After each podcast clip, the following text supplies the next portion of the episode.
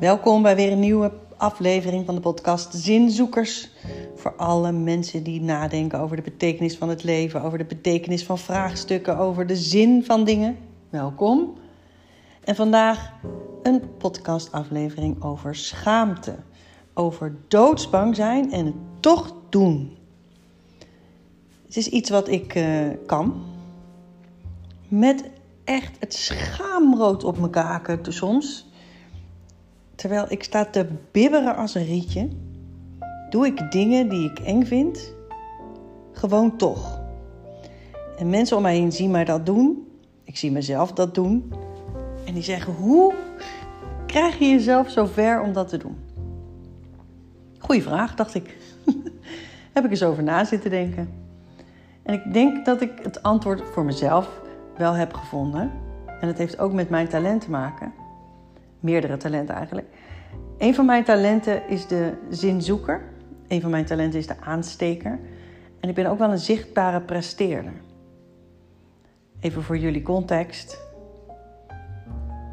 Een zinzoeker is iemand die nadenkt over het waarom, die het belangrijk vindt dat dingen zingevend zijn, die graag um, belangrijke onderwerpen aan de kaak stelt, die het fijn vindt om mensen te vinden waar ze dat mee kan delen. Nou, dat ben ik echt. Het hele talentenwerk, maar ook de zin, zingeving aan zich als, als onderwerp vind ik natuurlijk super belangrijk. En ik gooi me daarmee zelf soms voor de leeuwen. En dat is niet altijd makkelijk.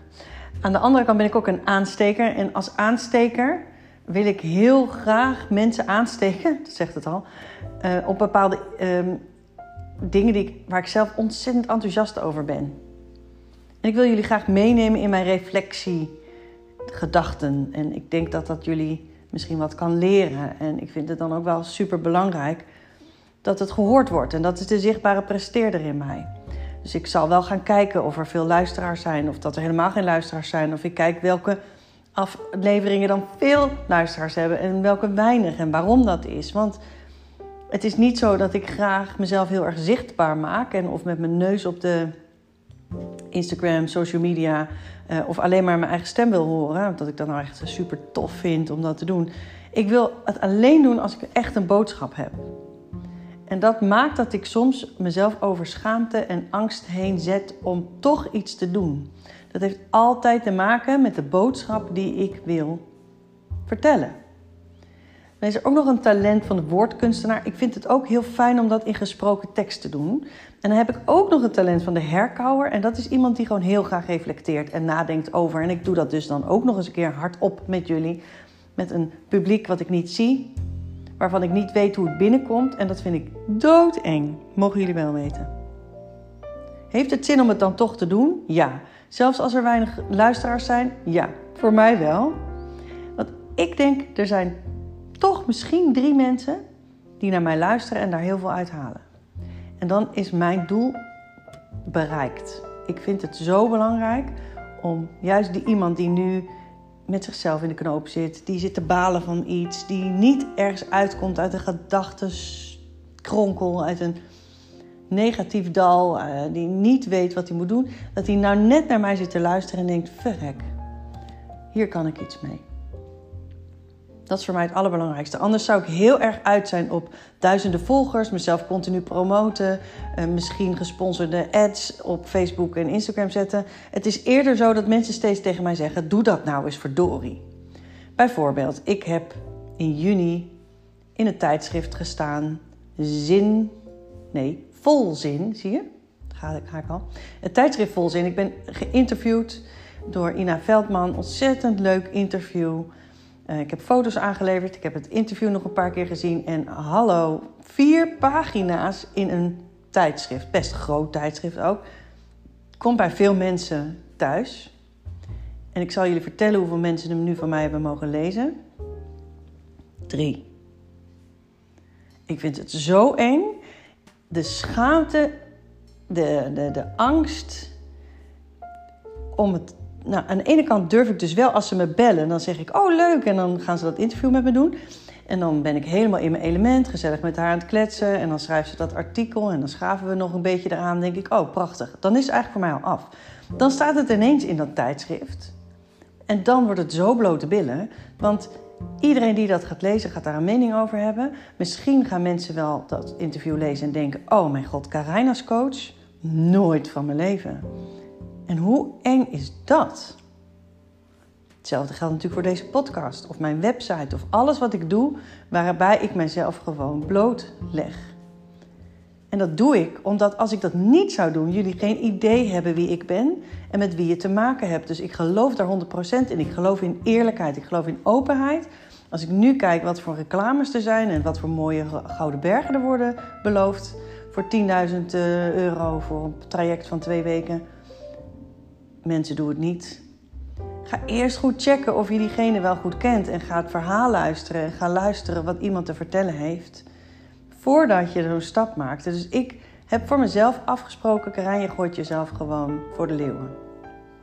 Maar aan het aantal mensen dat dat artikel hebben gelezen, hoor je al aan mij. Ik durf het wel, maar het dan vervolgens afwachten wat de feedback erop gaat zijn, vind ik heel eng. Dus mijn vriendinnen hebben bijna allemaal dit nog niet gelezen. Mijn man heeft het nog niet gelezen. Alleen mijn moeder heeft het gelezen. Eén vriendin heeft het gelezen. Nou, en degene die het geschreven heeft. Oh ja, en, en uh, iemand uit mijn gezin. Dus niet van mijn uh, eigen gezin, maar mijn, uh, de vrouw van mijn vader. Die heeft het gelezen. En die waren er super enthousiast over. En toch vind ik het nog steeds eng. Maar bij deze gooi ik het de wereld in. Op mijn website staat het artikel bij de pagina Karijn in de Media. Of in de Media is het het eerste artikel. En dan zie je dat er al acht artikels of zes artikelen op staan waar ik al eerder in geciteerd ben, bevraagd ben, geïnterviewd ben. En de komende maand komt er ook een nieuwe podcast uit van een oud collega van mij, Carine Hoenderdos. Hallo Liefde heet het geloof ik. Er zijn brieven aan de liefde en daar ben ik ook als expert bevraagd. En dan zul je mijn naam horen, want ik ben daar niet met mijn stem. En dan mag ik best wel wat meer promoten. Dus heeft het zin om soms jezelf een schop om de reet te geven? Ja, en dat doe ik bij deze in deze podcast vandaag. Wil je alsjeblieft voor mij het artikel lezen? Zou je me daar eens feedback op willen geven? Want dat helpt mij. Ik vind het super spannend als je het doet. Maar het helpt mij wel omdat, en dat gebeurt bij velen van jullie, mijn negatieve stemmetjes in mijn hoofd de overhand nemen. Op het moment dat ik me heel kwetsbaar opstel, gaat mijn hoofd zeggen: ze vinden het vast belachelijk, het is vast te verwarrend, niemand gaat begrijpen wat daar staat. Mensen die gaan gek reageren omdat er iets over spiritualiteit en communiceren met overleden dierbaren staat. Iedereen gaat op tilt. Stel nou dat mijn vader dat leest, stel dat mijn oma dat leest. Wat gaan ze daarvan vinden? Stel dat ik daarmee al mijn uh, klanten kwijtraak. Stel, stel, stel, stel, hoor je? En wat ik niet daarbij hoor is Waarschijnlijk vinden ze het een geweldig artikel. Wat ziet het er leuk uit? Dit geeft mensen eindelijk een beeld van wat ik allemaal lever. Jeetje, dat gaat me vast veel klanten opleveren. Nee, die andere stem is altijd toch meer aanwezig. En ja, ook bij mij. En ik ben me er alleen wel heel bewust van, dus ik kan hem snel tot bedaren brengen. Maar deze stap, gewoon eerlijk zijn, vertellen hoe het zit, vertellen wat je moeilijk vindt. Ja, super spannend, maar bij deze. Voor jou geldt hetzelfde. Gisteren had ik hier iemand uh, in de praktijk, een coachie, die ontzettend boos was op het feit dat zij niet gezien wordt door de mensen om haar heen zoals ze is. En het vervelende, tragische daarvan is dat we er ook achter kwamen dat ze zichzelf nooit zichtbaar maakt, dat ze niet duidelijk communiceert, omdat ze bang is dat mensen haar niet goed zouden zien. En dan krijg je dus een self-fulfilling prophecy. Dat als je jezelf niet laat zien, dat je niet gezien wordt. Dat is bij mij natuurlijk ook. Als ik niet dit opneem en ik maak geen podcast en ik kom niet in een artikel, ja, dan word ik niet gezien. En dan kan ik boos worden dat niemand mij ziet, maar ik word niet gezien omdat ik niet mezelf laat zien. Hetzelfde met gehoord worden. Als ik nooit duidelijk mezelf uitspreek, zullen mensen mij niet horen. En zal ik gefrustreerd raken dat ik niet gehoord word, terwijl ik niet genoeg zeg wat ik te vertellen heb. En op dat snijvlak bewegen we allemaal heel vaak. En dat is super spannend. Wat zijn nou stappen die ik neem? Vaak denk ik aan wat kan het mij opleveren, wat kan het de ander opleveren leveren en hoe kan ik de boodschap die ik wil brengen verder brengen Al duurt dat misschien tien jaar en gaat iemand pas over vijf jaar deze podcast luisteren, of iemand vindt dat artikel over vijf jaar in de, in de dokters uh, wachtkamer. Ik wil dat ergens dat zaadje geplant wordt, dat ik een klein steentje verleg. Dat geeft mij zin. Het idee dat ik hier iets doe wat effect heeft voor een ander op een later moment. Dus waar zingeving iets is van kan ik mijn talenten inzetten, mezelf zijn, authentiek mezelf zijn, heel eigen zijn en daarmee iets betekenen voor anderen. Dat vind ik ontzettend belangrijk en ik weet zeker dat heel veel mensen exact hetzelfde hebben, maar ontzettend op zoek zijn naar wat nou precies die authenticiteit is en bij welke dingen je nou het meest in je element bent. Nou, dat doe ik hier in de praktijk. De mooiste dingen komen daaruit en mensen maken prachtige stappen.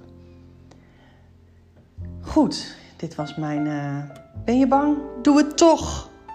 podcastopname. Ik hoop dat je er wat aan hebt. Stap voor stap voor stap. Bedenk voor jezelf. Waarom vind ik het heel erg spannend? Vind ik het eng om mezelf te laten zien? Vind ik het eng om mezelf gehoord te laten zijn? Wat is mijn verlangen daarachter? Nou, ik wil juist gehoord worden. Ik wil graag gezien worden. Waarom wil ik dat? Omdat ik belangrijk vind dat ik het verschil maak. Waarom wil ik dat? Omdat ik het heel erg belangrijk vind om iets achter te laten of mensen te raken of mensen een goed gevoel te geven. Waarom wil ik dat? Ja, dat geeft mij voldoening. Interessant om jezelf eens heel erg door te vragen. Moet ik daarvoor mezelf soms voor de leeuw werpen? Ja, voor mij wel. Omdat het werk wat ik doe, moet ik zichtbaar zijn. En als ik het eng vind, dan is dat vaak omdat ik ja, omdat het echt iets heel kwetsbaars betreft.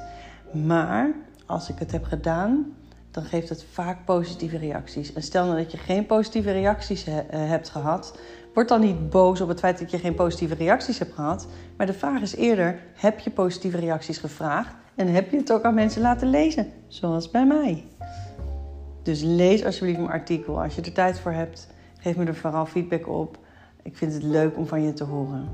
Ik wens je een hele fijne dag en tot de volgende.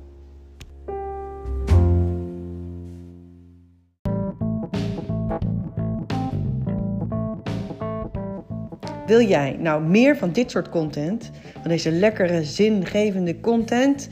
Alsjeblieft, help mij door deze podcast naar al je vrienden en vriendinnen door te sturen. En of mij een like te geven op Spotify. Want hoe meer sterretjes ik krijg, hoe beter ik gevonden word en hoe meer mensen mij eventueel kunnen vinden. Alvast bedankt.